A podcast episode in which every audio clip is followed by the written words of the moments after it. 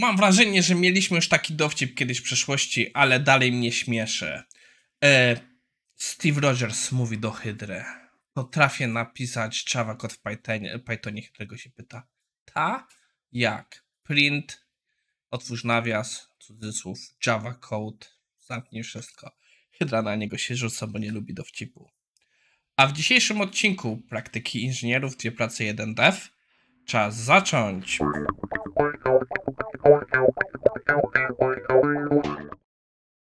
Cześć, nazywam się Maciej Wyrodek, a to jest odcinek na 20 października 2022. Więc tak w sumie ciekawie, bo jest 2, 10, 20, 22. Jakby to nie było 22, tylko 20, to byśmy mieli ciekawe, takie fajne liczby. Anyway, um, dzisiejszy, czy dzisiaj jakieś ogłoszenia parafiarne? Nie. Jedynie muszę zaznaczyć, że dzisiejszy mem był Maćka od Trojniarza, a w poprzednim odcinku był od niego artykuł, więc he's on the roll. I mam wrażenie, że chyba któryś z materiałów w dzisiejszym odcinku on też mógł podesłać, ale niestety nie miałem tego w notatkach. E, naszym pierwszym materiałem jest e, dyskusja poświęcona dobrym praktykom e, software inżynierów. Jest to coś, co się u mnie dość często Coś bardzo głośnego jest na dworze, słychać. E, jest to, temat jest to coś, co się u mnie dość często przewija, bo, jest, bo bardzo mi zależy na tym, ale em, czym bardziej jestem w różnych firmach i tym bardziej widzę, ile jest różnych tematów do pociągnięcia, zawsze jest to dyskusja, ile czasu na to poświęcić, bo gdzieś w końcu, w którymś momencie, my musimy podjąć decyzję, dostarczanie, robienie swojego, a usprawnianie jednej, z jednej perspektywy e, e, Unicorn Project, jeśli chodzi o praktyki, mówi, że usprawnianie jest ważniejsze niż wykonywanie pracy, że powinno być priorytetyzowane wyżej. Mój problem w tym jest, zwłaszcza z takim osobą jak ja, które mają bardzo wysokiego arrangera, ja lubię tweakować, usprawniać rzeczy i gdzieś musi być ten balans. I wiele z tych rzeczy, o których autor tu mówi, ja się z nimi w pełni zgadzam, ale to nie są rzeczy, które łatwo wprowadzić, które da się wprowadzić dnia na dzień. Razie autor przechodzi przez te różne rzeczy, pierwsza, która mi się najbardziej spodobała, jest trzymanie dokumentacji w kodzie. Wtedy można na poziomie Piera wręcz wymusić aktualizacji dokumentacji.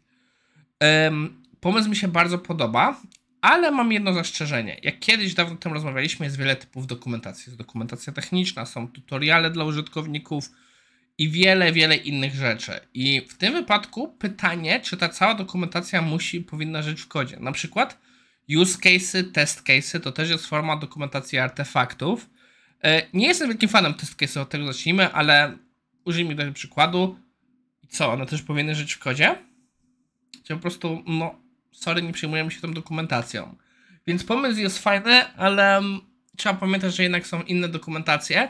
Mimo wszystko zastanawiam się, czy na przykład w ramach pull requesta nie powinno być pole dokumentacja jest aktualizowana i link do dokumentacji. Natomiast to jest co fajne jest w tym wypadku, czego nie, jest większy problem w innych rozwiązaniach, Możemy mieć dokumentację per wersję bardzo łatwo kontrolowaną. E, idąc dalej, e, i coś, co mi się bardzo podoba, mimo że wiem, ile to kosztuje zrobienia, i nie spotkałem się jeszcze w mojej karierze dobrze zrobionej rzeczy. Czytałem o takich, słyszałem, widziałem demo z takich, ale żeby w firmach, gdzie byłem, gdzie coś, gdzie coś się zaczęło dziać, doszło tego etapu, to nie jest. A mianowicie bardzo dobry mechanizm do tworzenia danych testowych. Taki, że możemy sobie wygenerować dowolną sytuację on the fly, możemy sobie bardzo stworzyć te dane, żeby otworzyć nawet sytuację z produkcji. Pomysł mi się bardzo podoba. Dalej są tematy takie jak migracja danych, tworzenie sobie templaty, templatki pod projekty, komponenty, to są te super rzeczy. E, kolejną rzeczą, którą autor porusza, i tu jestem trochę bardziej, gdzie dałby się dyskusję, jest automatyczne formatowanie kodu. Bardzo lubię takie rzeczy. Mam nawet u nas w wypadku automatyzacji mamy wpięte, że e, w ramach hooka gitowego zanim e, zostanie wykonany commit, e, lokalnie jest kod pretrierowany. Problem jest z tym, że nie zawsze to dobrze działa i czasami się zastanawiam, czy na pewno chcę to zachować, czy może lepiej to wyłączyć i jednak zostawić, żeby to się działo tak w bardziej świadomy sposób, bo mamy na przykład problem, jak mamy długi string z jakimiś w danych testowych, że Prettier go potrafi dziwnie sformatować i później jest dużo zabawy, czy powinno się wyłączyć Prettiera na ten plik, na ten fragment pliku i tak dalej, i tak dalej, więc w tym wypadku ym, powoli patrzę, czy tych edge case'ów nam nie wyskakuje za dużo, bo jak jest jeden na ruski rok, to wiadomo, nie ma co się przejmować, ale jest, ostatnio było tego tyle, że zaczynam to rejestrować, więc trochę muszę o tym myśleć. Kolejna rzecz, która jest moim zdaniem super, ale to jest bardzo długi wysiłek, zwłaszcza jeśli robimy to bardzo późno, to jest, że powinniśmy mieć bardzo zautomatyzowany proces tworzenia nowych deploymentów, e, nowych środowisk. Dosłownie do tego stopnia, że, że jakbyśmy mieli możliwość robienia środowiska per branch, to byłoby super. Czyli powiedzmy, robimy sobie, mamy task w Jirze, który ma na przykład numer, e, nie wiem, task myślnik 888, to w momencie, gdy zaczynamy pracę na ten task, to jest po prostu tworzone środowisko task myślnik 888 i tam możemy sobie wszystkie rzeczy sprawdzać. Są filmy, które tak mają i ogólnie to jest dobry pomysł. No, ogólnie, więc tak podsumowując, zgadzam się z wszystkimi praktykami, które autor zaznacza, ale bym powiedział, że to są praktyki, które wymagają już odpowiedniego poziomu organizacji i odpowiedniej ilości czasu i pieniędzy na to. Są firmy, gdzie powiedziałbym, e, są rzeczy, które uważam są ważniejsze do naprawy, poprawienia niż te rzeczy, które są wymienione tutaj. Nasz drugi artykuł wchodzi w dyskusję e, trochę bardziej etyczną.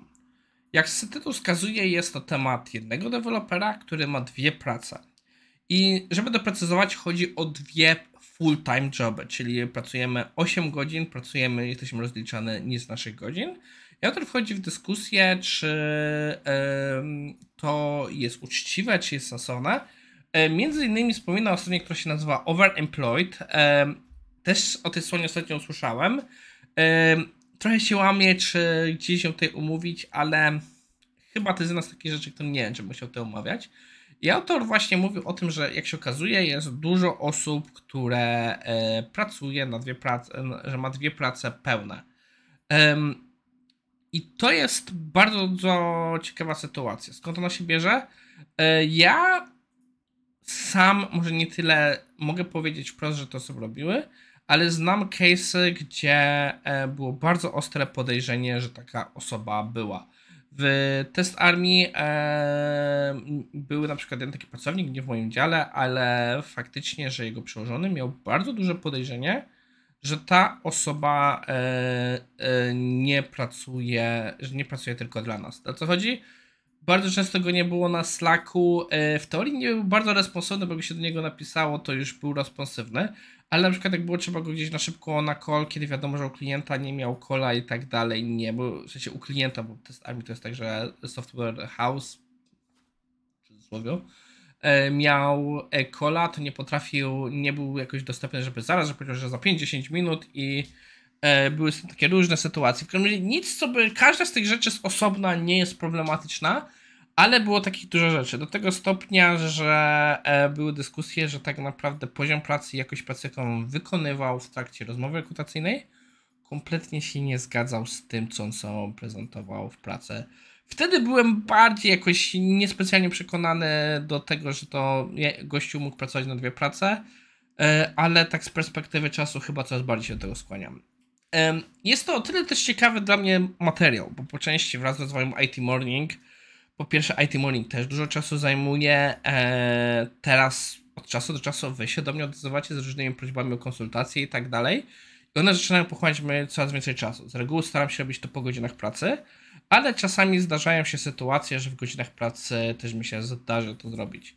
W teorii w displaycie e, wiadomo, e, jestem, e, jestem mi tak mówione, że ja jestem rozliczony z efektów, a nie z godzin, ale no też staram się być uczciwy względem niż. Na przykład dzisiaj mnie czeka dość długa, powiedzmy, jeszcze siedzenie przy komputerze, żeby pewne rzeczy zrobić, bo w ciągu dnia nie najlepiej się czułem i no, nie spędziłem tyle czasu, ile powinienem. Więc te tematy takie właśnie dwóch prac, wielu prac są gdzieś mi w miarę bliskie, chociaż nie wyobrażam sobie osobiście pracy na dwie pełne prace. Autor też tam porusza, że on sobie tego nie potrafi wyobrazić. W pewnym momencie już trzeba zacząć jakoś to patrzeć, jakoś to dzielić. Znam trochę osób, które są, pracują na half-time. Znam trochę innych osób, które, e, które na przykład mają dogadane wprost, że prowadzą te szkolenia i mają dogadane w pracy, że jest tam w pełni akceptowane, że ileś tam w miesiącu ich nie będzie prowadzą szkolenia, więc jest dużo opcji. Jestem ciekawy, jak wy o tym wszystkim sądzicie, e, gdzie, czy, gdzie dla was przebiega ta linia, co jest dla was akceptowalne, a co nie. E, podsumowując, w dzisiejszym odcinku przyjrzeliśmy sobie dobrym praktykom i nie, e, programowania i nieetycznym praktykom, jeśli chodzi o to, czy powinniśmy mieć, pozwalać sobie na dwie prace full etat. Ja jestem przeciw, ale no podejrzewam, że są osoby, które tak robią. No bo też są firmy, gdzie niby chcą nas na pełen etat, ale tej roboty na pełny etat też nie ma. Tylko czy to znowu jest fair? E, No to to wszystko na dzisiaj i widzimy się jutro.